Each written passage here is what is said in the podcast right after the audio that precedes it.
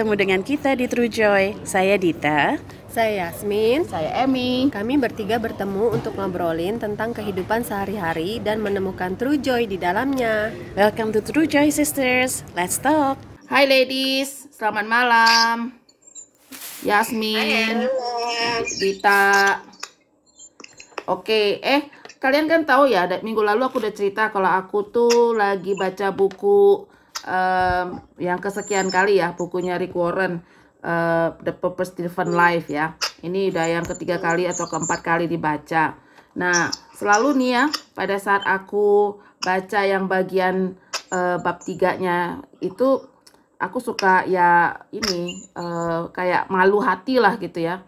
Uh, bener juga nih semua yang dia tulis nih ini yang bikin aku stres dan gelisah dan suka uh, nggak percaya diri, takut dan sebagainya. Di sini dia bilang bahwa everyone's life is driven by something gitu. Nah, ya ya dikendalikan atau ya benar-benar kata-kata dikendalikan lebih kuat ya. Dikendalikan oleh sesuatu. Nah, ada yang dari rasa bersalah, rasa marah, materialisme, um, uh, persetujuan orang lain dan rasa takut. Nah, ketika aku uh, mengelis ya dari daftarin ini, waduh, aku tuh ternyata hampir semua loh. Malu deh. Ini dan ini oh, tiap iya. tiap tahun uh, ada rasa bersalah, uh, pingin uh, merasa bersalah dengan kesalahan yang eh ke perbuatanku yang dulu-dulu. Uh, kok aku dulu kayak gitu ya? Kenapa ya bisa gitu? Itu sampai sekarang diinget-inget. Terus habis itu materialisme. Aduh, ini apa lagi ya? Dengan kondisi sosial media sering dilihat-lihat Facebook, Instagram temen ya. Rasa pengen, aduh enak banget ya bisa jalan-jalan atau baru beli sesuatu gitu. Jadi uh, ke apa sih ya? Kedorong juga tuh pengen pengen ngejar juga bisa dapat uh, yang sama. Terus approval. Ah, ini juga nih. Aku tuh people seek, uh, people pleaser ternyata uh, aku baru ngeh ya aku ngikutin seperti itu ada satu quiz aku tuh nggak baru happy kalau misalnya orang bilang aduh eh, bagus em gue setuju tuh gitu misalnya. Pokoknya aku usaha gimana supaya orang itu akan bilang wah si Emmy kerjanya bagus atau uh, good job Emmy nah yang gitu-gitu tuh aku nyari banget. Sama satu lagi uh, dari buku ini dia bilang fear ini apalagi nih fear uh, masa covid sekarang apalagi ya takut uh, uh, takut kena covid takut ketemu orang takut nerima tamu uh, takut pegang macam-macam akhirnya uh, malah parno ya. Nah kalau kalian gimana Dita sama Yasmin? Share dong kalian sebanyak aku kah driven by-nya ini? Ayo ayo siapa? Dita dulu kali iya ya sama emang.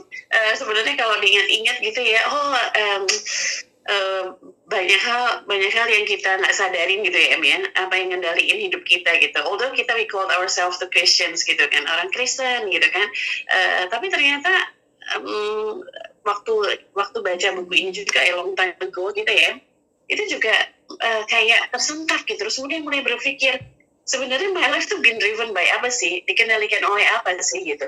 Dan kalau baca uh, yang di bukunya Rick Warren ini karena Emmy mulai baca saya mulai baca lagi nih Em supaya nyambung kalau kita ngobrol makin nyambung kan ya. Yeah, yeah. Um, dari lima lima hal yang disebutkan oleh Rick Warren di dalam bukunya ini uh, paling tidak tuh ada ada dua M yang paling paling tiga sebenarnya malahan. Yang pertama adalah driven by fear, terus kemudian yang kedua itu driven by materialism, dan yang ketiga adalah driven by the need for approval. Itu juga yang sama.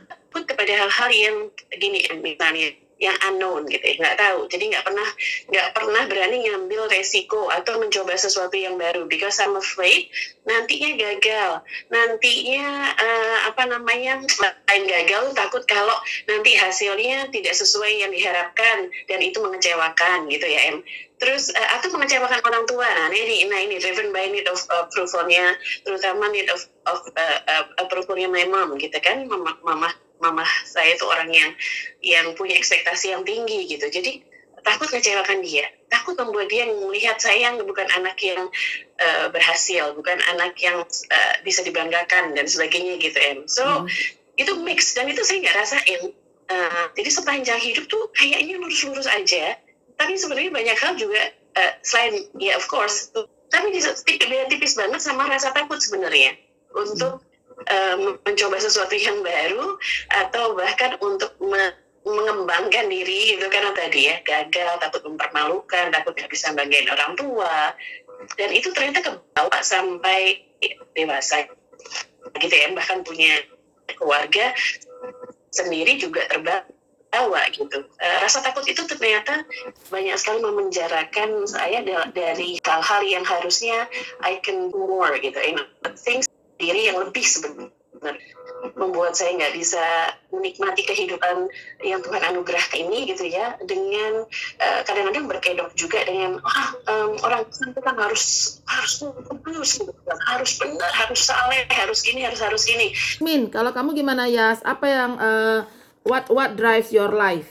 Yang pasti tujuan hidup itu kan memberi makna kepada hidup kita. Kalau kita tidak mempunyai uh, tujuan itu yang uh, nggak tahu where we are going to gitu kan how to get there gitu.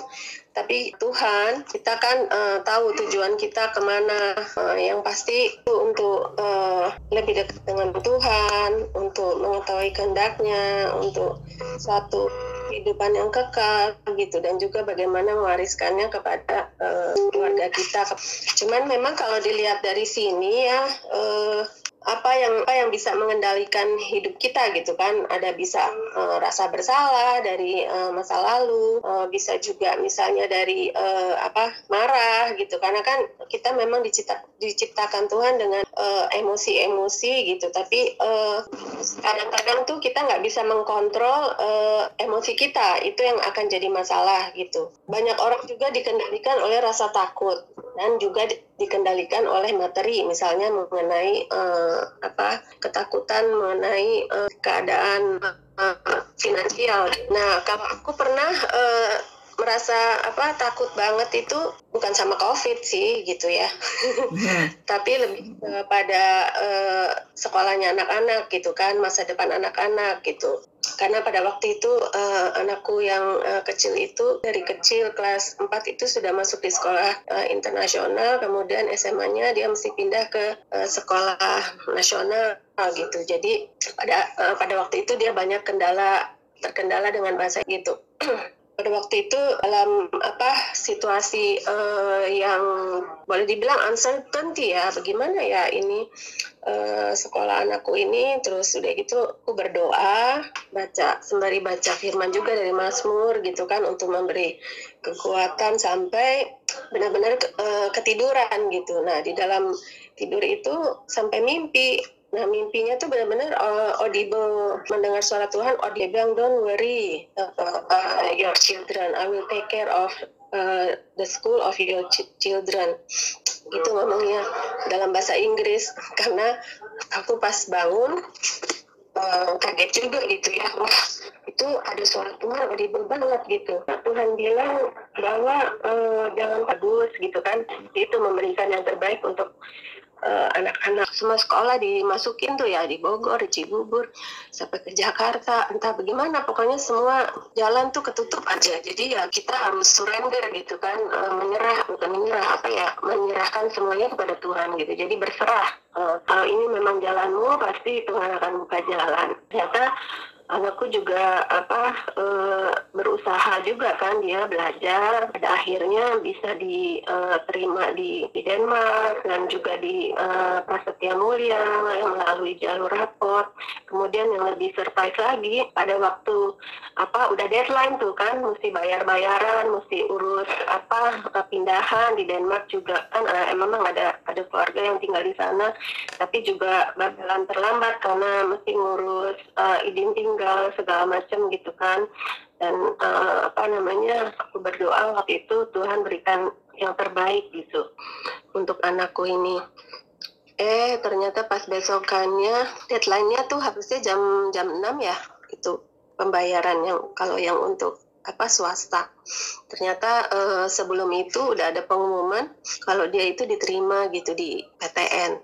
Senang banget waktu itu.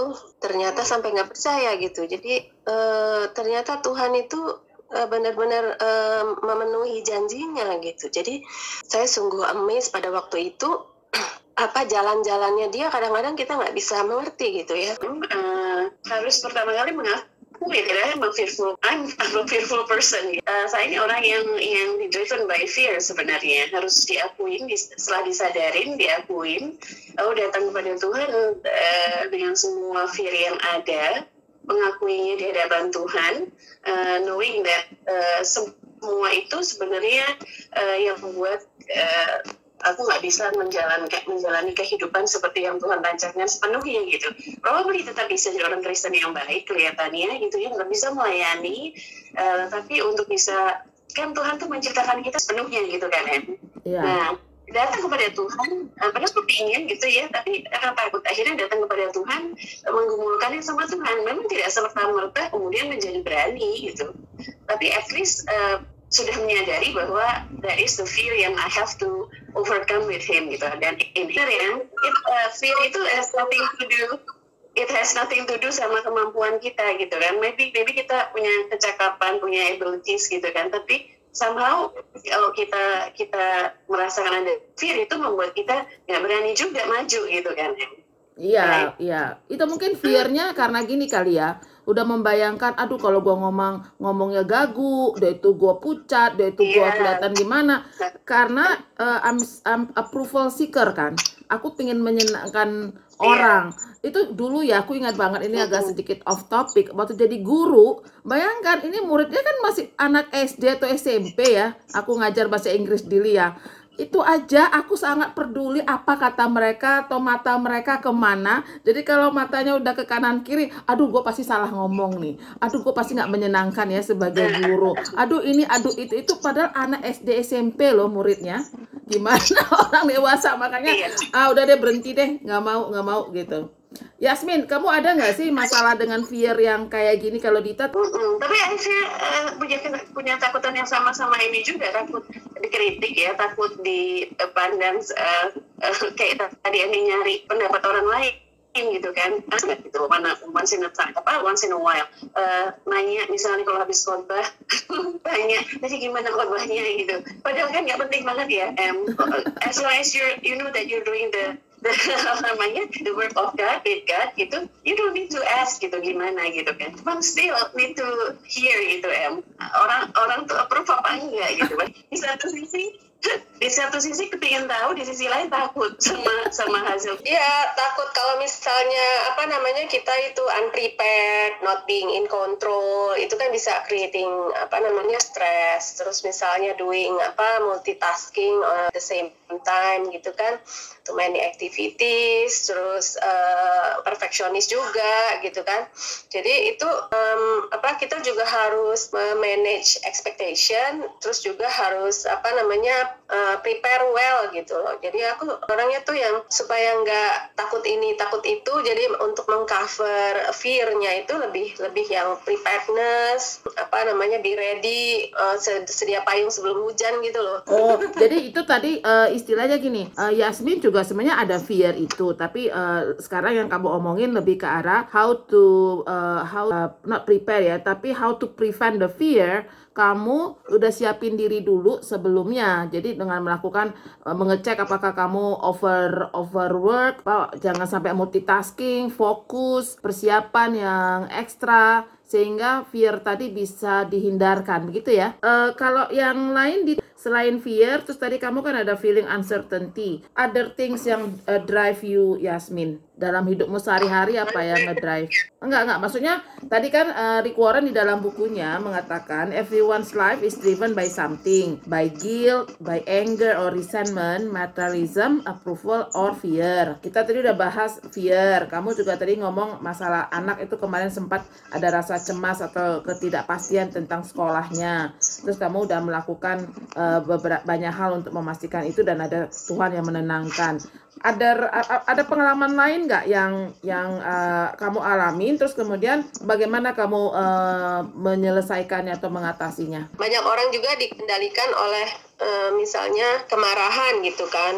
Eh, luka batin yang misalnya tidak pernah eh, dilupakan. Padahal kan sebenarnya kita eh, obatnya tuh sebenarnya cuma tinggal me- melepaskan pengampunan aja. Nah aku tuh orangnya tuh yang eh, cepat lupa gitu loh. Eh, itu ya. Jadi misalnya ada ya misalnya di dalam pertemanan tuh suka ada kesalahpahaman marah satu sama lain biasa kan kayak gitu gitu. Mengendalikan diri untuk nggak nggak membalas dengan kemarahan. Tapi justru memberi eh, apa namanya kasih dan pengampunan kayak gitu.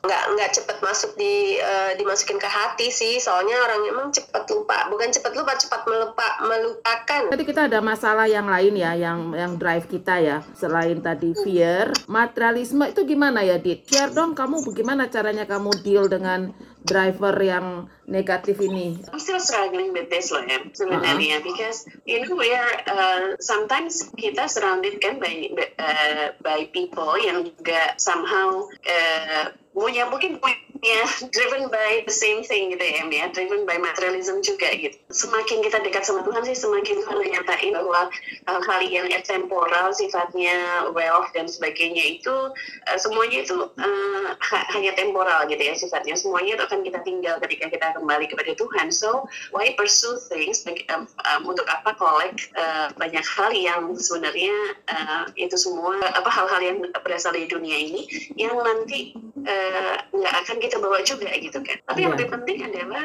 di 1 Yohanes 2 ayat 15 sam- sampai uh, 17 itu dinyatakan bahwa ketika kita mencintai hal-hal yang dari dunia termasuk materi-materi ini gitu ya ya Ya. keinginan ma- mata, keinginan daging, keangkuhan hidup, semuanya itu kan yang semua yang driven by materialism ini, yang sifatnya temporal dan material materialistik ini, itu menyatakan sebenarnya hati kita yang apakah eh, kita mencintai Tuhan apa enggak gitu. Jadi kata eh, firman Tuhan tuh kalau kita mengasihi hal-hal yang dari dunia, otomatis kasih akan Bapa tidak ada dalam hati kita. Nah itu membuat itu sebenarnya sangat-sangat menegur gitu ya, bahwa Tuhan memang bilang kan kita nggak bisa serve two masters gitu kan. Ya. kita eh, nggak bisa melayani dua Tuhan gitu. Entah itu Allah atau Mamun pasti em, kita eh, hati kita eh, mencintai satu pasti tidak mencintai yang satunya. Bahkan membenci dikatakan yang lain yang satu tidak mengindahkan yang lainnya. So eh, itu membuat membuat saya sadar gitu bahwa iya Tuhan there's no way I can say that I love you God gitu tapi masih ngejar yang hal yang dari dunia masih acquire things bigger things more things gitu ya hal-hal yang uh, valuable menurut dunia ini gitu. Tapi uh, once in a while masih nyelip-nyelip juga sih em. Tapi ter- terus kemudian diingatkan lagi this uh, these things are temporal these things are uh, semuanya itu akan menjadi hal yang sia-sia hal yang menyatakan uh, tentang tidak adanya kasih yang sungguh kepada Bapa gitu. So I need to struggle with that gitu. Tapi member setiap hari minggu tuh kalau nggak kalau nggak sakit kalau nggak eh, apa tepar kalau nggak eh, keluar kota tugas nggak nggak ada waktu gitu loh. Hai, eh, apa pada satu satu Tuhan tegur. Jadi pas waktu lagi altar call itu dipanggil gitu loh. You you you, come here. Tuh me gitu. Sampai ada apa ya gitu.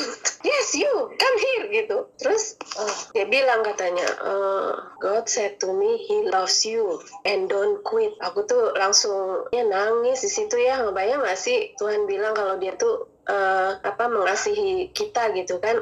Rasanya kan tersentuh banget gitu ya mentinggalkan pelayanan gitu Oh. karena aku sudah jarang masuk gereja gitu Nah, iya makanya juga ya dengan obrolan kita ini ya eh, saling mengingatkan. Kita udah eh, memberikan apa namanya caranya ya how to deal dengan materialism dengan Yohanes 1 Yohanes 2 ayat 15 sampai 17. Kalau mengenai ini gimana? Approval. Ada yang pernah punya pengalaman eh, how to deal with the problem atau eh, kalau kita di drive dengan approval terhadap orang dari orang lain. Ini juga pengaruh eh, ini masalah banget untuk aku. Gimana? Eh, aku nambahin yang tentang materialism itu. Oke, Dit. Boleh aku nambahin Iya, dikit iya. ya? bahwa Tuhan tuh encourage kita, Tuhan tuh mau kita untuk eh, melakukan apa yang firman Tuhan katakan di Kolose 3 ayat 1 sampai ayatnya yang ketiga gitu ya. Aku baca ini ya. Ya. Karena itu kalau kamu dibangkitkan bersama dengan Kristus, carilah perkara yang di atas, di mana Kristus ada, duduk di sebelah kanan Allah. Pikirkanlah perkara yang di atas, bukan yang di bumi. Sebab kamu telah mati, dan hidupmu tersembunyi bersama dengan Kristus di dalam Allah. Ini seperti mengingatkan kita bahwa eh, yang perlu kita setelah kita lahir baru, setelah kita menjadi anak-anak Allah Bapa di dalam Kristus, maka pikiran kita tuh harus benar arahnya gitu, Em. Kalau arahnya itu kepada hal yang ada di dunia ini, pasti kita akan mengejar hal-hal yang ada di dunia ini gitu kan. Tapi kalau kita sudah benar-benar dibangkitkan bersama Kristus, Tuhan tuh mau kita mikirin perkara yang di atas. Di atas tuh di mana? Eh, bukan di bumi. Di atas tuh di mana? Di mana Kristus ada.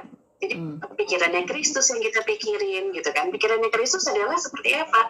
Dia yang eh, apa? Yang adalah anak Allah, tidak menganggap kesetaraannya eh, dengan Allah sebagai satu hal yang harus dipertahankan gitu kan, mengosongkan dirinya, dia merendahkan dirinya, mengambil rupa se- meng- eh, menjadi manusia, mengambil rupa seorang hamba, ditinggalkan dia kemuliaan sorga gitu kan. Jadi Tuhan Yesus datang ke dunia mencari kemuliaan yang di atas muka bumi ini gitu. Nah kita yang adalah orang-orang yang percaya kepada Kristus di- diminta untuk melakukan hal yang sama, tidak mencari kemuliaan di atas muka bumi ini gitu, tapi uh, memikirkan tentang uh, Kristus yang ada di sorga dan segala sesuatu yang ada pada dia gitu kan, Em. While kita tetap ada di bumi untuk mempermuliakan dia. Jadi hal-hal seperti ini memang terus-menerus kita harus ngingetin, ingetin gitu ya, saling ingetin juga ini kita uh, supaya nggak jadi materialistik gitu ya. Karena aku juga menemukan gitu di dalam pelayanan ini, nah ini nggak nuduh siapa-siapa karena sudah udah mengaku dosa terlebih dahulu gitu kan dia I'm still struggling juga sama hal ini gitu. Mm-mm. Tapi ada juga hamba yang melayani itu driven by this too gitu ya. Driven by jadi kalau mau melayani eh, apa namanya juga melihat nih siapa nih yang ngundang gitu. Eh, komunitas mana nih yang ngundang gitu. Bahkan dengar-dengar dengar-dengar lu ada yang minta tarif gitu ngasih tahu tarifnya berapa kalau untuk diundang gitu kan. Oh, Nah, melayani di satu Udah kayak tempat artis satu dong ya? Ada artis terus ada hamba Tuhan yang memilih untuk melayani hanya di gereja-gereja tertentu yang sudah terkenal PK-nya itu gede banget gitu ya. Tapi oh, eh, di gereja-gereja kecil dan sebagainya eh, mereka nggak nggak prioritaskan gitu kan. Nah itu yang itu juga yang terus apa aku juga belajar terus untuk terus eh, minta Tuhan menegur kalau apa namanya itu em, eh, cara berpikir seperti itu mindset itu ada pada aku gitu em untuk terus Tuhan ubahkan bahkan sepenuhnya gitu. Nah, jalan yang walaupun sulit tapi Tuhan bisa memberkati lewat jalan itu gitu walaupun jalannya sulit. Apa namanya bicara soal tadi eh, apa pilihan dunia dan pilihan surgawi itu ada di Roma 8 ayat 5 6 juga. Sebab mereka yang hidup oleh daging memikirkan hal-hal yang dari daging. Mereka yang hidup oleh roh memikirkan hal-hal yang dari roh.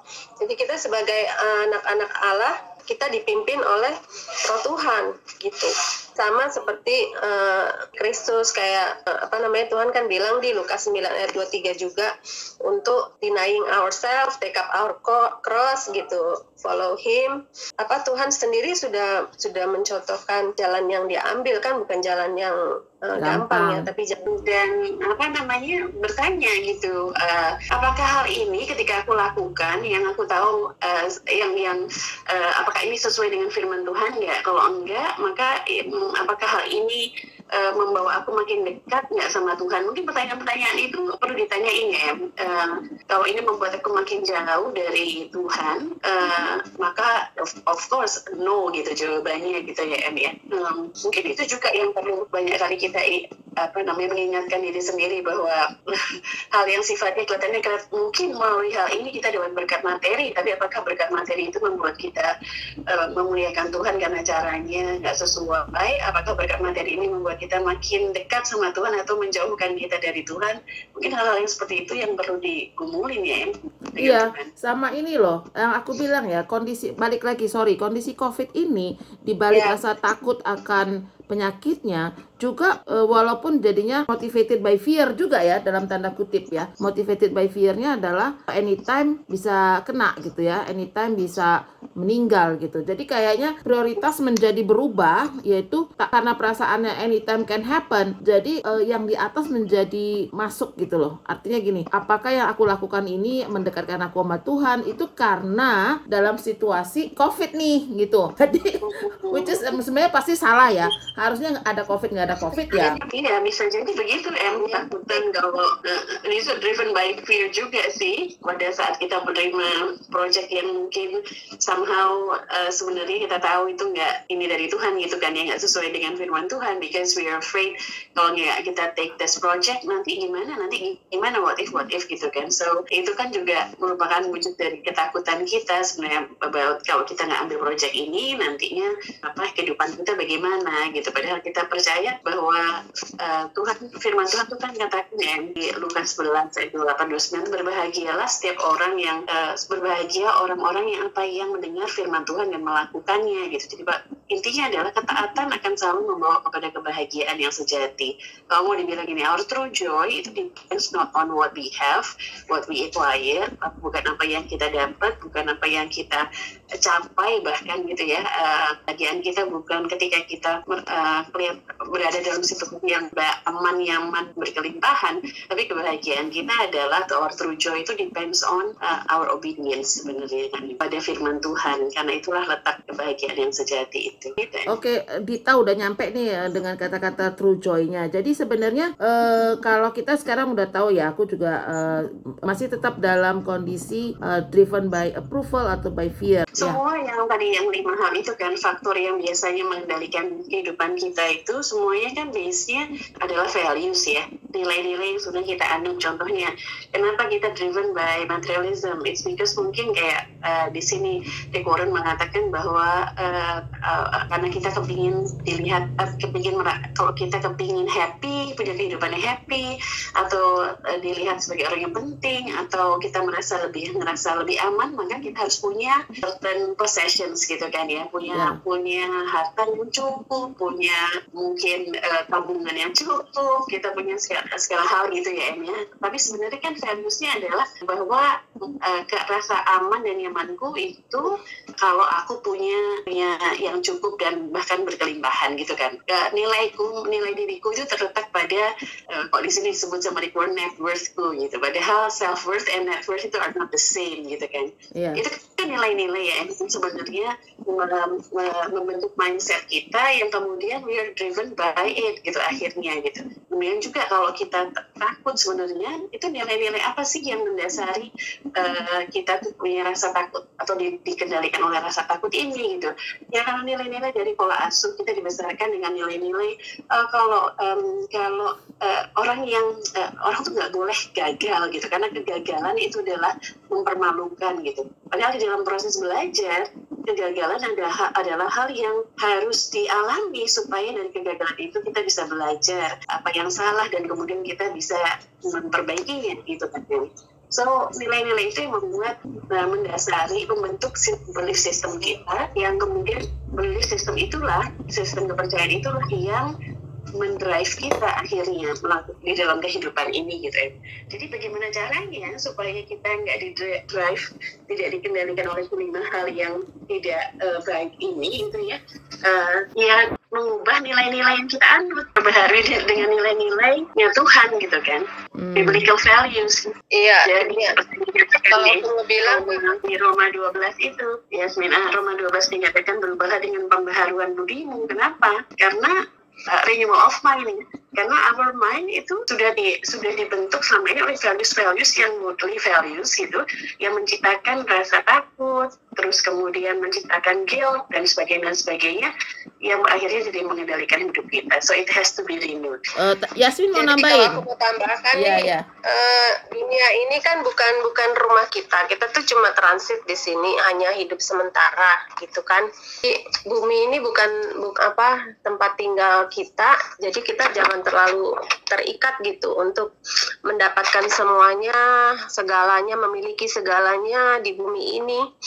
Tujuan kita sebenarnya adalah hidup bersama-sama dengan Tuhan yang kekal yang tidak bisa digantikan dengan em, mahkota-mahkota sementara yang ada di eh, dunia ini. Ya, jadi s- ringkasnya atau sederhananya ya sebelum kita say good night nih adalah cara yang paling benar untuk mengatasi pada saat kita eh, masih diganggu oleh pikiran-pikiran untuk eh, mendapatkan approval orang lain atau fear dan sebagainya adalah dengan perubahan cara pikir, pembaruan akal budi. Jadi kita eh, menggunakan cara berpikir Tuhan Yesus gitu ya. dalam pengenalan membenarkan Tuhan dan M melalui kebenaran firman Tuhan yang kita pelajari, yang kita renungkan siang dan malam gitu. Jadi baca aja nggak cukup, melajarin aja nggak cukup, tapi merenungkan dan mengaplikasikannya setiap saat gitu. Kita bisa mungkin kita bisa gagal di satu hari, tetapi kemudian kita bisa bawa kepada Tuhan, repent from our, from uh, our sins gitu dan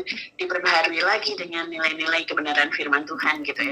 Memang prosesnya nggak mudah dan nggak nggak nggak cepat ya, tapi uh, uh, progressively uh, percaya bahwa makin lama values kita akan diubahkan oleh Tuhan menjadi values uh, apa eternal values gitu and uh, uh, heavenly values gitu. Kita mempercayai dia, mengetahui dan mempercayai firman-Nya. Bagian dan bagian dia adalah melakukan apa pun yang harus dilakukan dengan eh, dalam segala sesuatu dalam apa segala situasi gitu.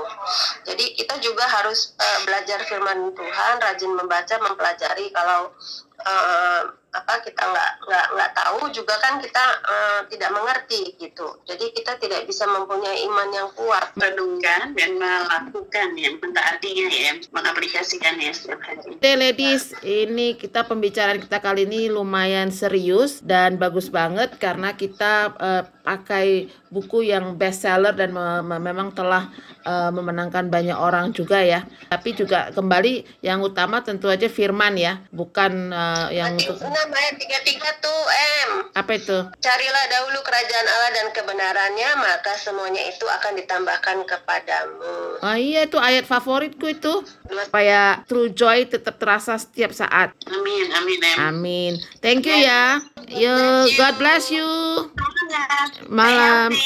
Sampai jumpa di obrolan berikutnya. Follow kami ya di Instagram true underscore joy 2020. Salam True Joy. True